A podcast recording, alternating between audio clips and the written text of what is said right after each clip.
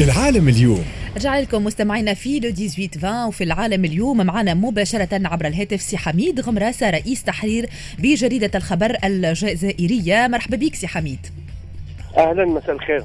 مساء الخير. في البداية ما مدى صحة الأخبار اللي يتم تداولها بخصوص إيقاف الأخوين نبيل وغازي القروي بالجزائر مقابل تسليم الناشط السياسي الجزائري سليمان بوحفص اللي آه، كانت المفوضية السامية لشؤون اللاجئين منحته صفة اللاجئ في سبتمبر 2020 نعم. آه، آه، في الحقيقة هذا ما يجري تداوله منذ أمس عبر وسائل الإعلام الجزائرية وهذا عبر تسريبات يعني. آه للأجهزة الأمنية. يعني هذه الأخبار نقلتها وسائل الإعلام الجزائرية عن الأجهزة الأمنية الجزائرية بخصوص اعتقال الأخوين قروي. آه، آه، آه، كما يجري الحديث عن أنه فيه ما يشبه صفقة يعني بين سلطات البلدين بخصوص تسليم الأخوين قروي واستلام الجزائر سليمان بوحفص المعارض الأمازيغي المعروف والذي يعلم الجميع آه، هنا في الجزائر أنه آه، استفاد من صفة لاجئ سياسي في تونس وبالتالي فهو يعني محمي بالقانون الدولي ولكن يبدو أنه البراغماتيه بين حكومتي البلدين تغلبت على أي اعتبارات أخرى. يعني تم تسليمه رسميا إلى السلطات الجزائرية من قبل السلطات التونسية لهذا اللاجئ؟ نعم نعم هو في الحقيقة منذ أن أن أطلقت الجزائر مذكرات اعتقال دولية بخصوص ناشطين وقادة من تنظيمين صنفتهما إرهابيين في مايو أيار الماضي وهو تنظيم رشاد الإسلامي والتنظيم الانفصالي حركة استقلال القبائل. نعرف أنه غالبية قادة هذين التنظيمين يقيمان أو لهم صفة آه، لاجئ سياسي خاصة في بريطانيا وفرنسا. ويبدو أن الجزائر يعني إن السلطات الجزائريه انتقلت إلى السرعة القصوى بخصوص تنفيذ آه، هذه الإجراءات. ف يعني يعني بوحق آه، كان ناشط صحيح سياسي في التنظيم الانفصالي ولكن لم يثبت يعني صراحة بكل موضوعية. هنا في الجزائر الإعلام تابع جيدا آه، نشاط هذا وقضية الإمام بوحفص لما كان في الجزائر لم يثبت عنده ابدا آه، أي نشاط آه، إرهابي حتى. يمكن أن تتذرع السلطات الجزائرية بخصوص طلبها من تونس تسليمها بوحفص يعني لم يكن لم يكن يمثل خطر على الجزائر. لا لا اطلاقا. هو شخص يعني عنده قناعات سياسية هو يعتقد أو أو يرى أنه منطقة آه، القبائل مختلفة عن باقي مناطق الجزائر وبالتالي آه، هي بحاجة أن تنفصل عن البلاد عن باقي مناطق البلاد أو عن السلطات المركزية في العاصمة. هذه تبقى يعني في كل بلدان العالم.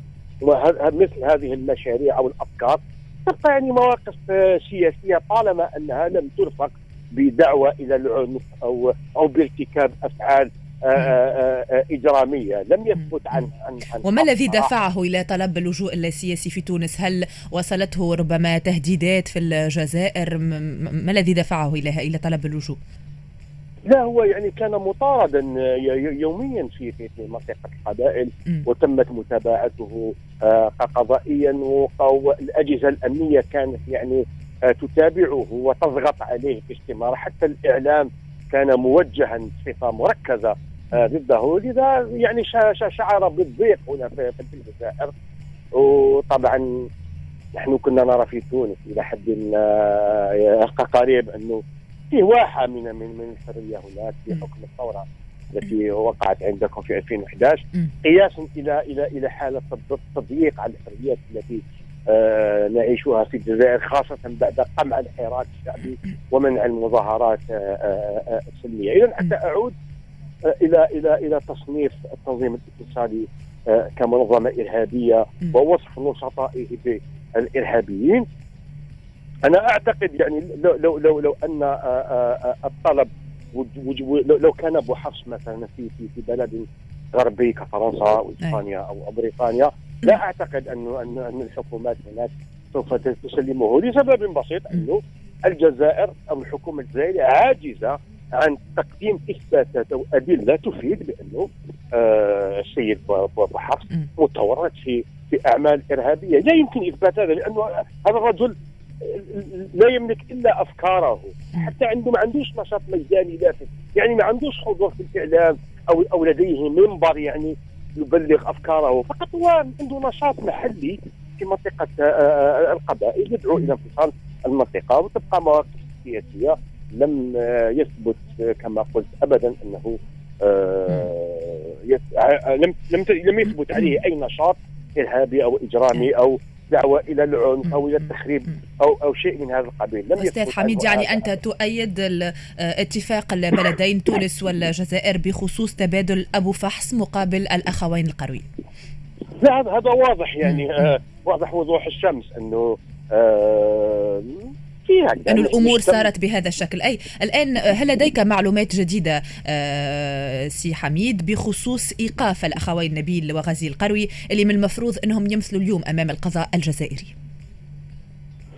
آه أتصور أنه آه سيحالان على قاضي التحقيق وسيأمر بإيدائهما الحبس الاحتياطي في انتظار تسريع الاجراءات السياسيه والاداريه بين الجزائر وتونس. أتصور انه سيتم ترحيلهما في غضون 48 ساعة آه، آه، المقبلة. هذا هذا شيء شيء شيء أكيد يعني. ما, ما فيش شك حول هذا. أي. بعد استنطاقهما معناها المرحلة المقبلة هي أن يتم ترحيلهما إلى إلى تونس. نعم تم استنطاقهما في في في مقرات الأمن. وحتى تأخذ العملية آه، شكل طابع آه، قضائي ولو شكليا سيتم آه، إحالتهما على النيابه ثم على قاضي التحقيق سيسجنان ربما لمدة يومين. هذا هو المعمول به في مثل هذه القضايا. وستكون إجراءات سريعة جدا خاصة إذا كان الأمر يتعلق بعلاقات قوية في المسائل الأمنية وتبادل المطلوبين. كما هو الحال بين الجارتين تونس, تونس والجزائر. اتصور أنه كما قلت أن الأخوين سيتم ترحيلهما إلى أو تسليمهما إلى السلطات التونسية في غضون 48 ساعة المقبله واضح. شكرا لك سي حميد غمراسة رئيس تحرير بجريدة الخبر الجزائرية. شكرا على تدخلك معنا وشكرا على هذه المعلومات. إحنا باش نخليكم مستمعينا توا مع فاصل موسيقي شوية آخر باش يكون معنا في ال interview سي بدر الدين جمودي رئيس لجنة مكافحة الفساد بالبرلمان المجمد والقيادي بحركة الشعب.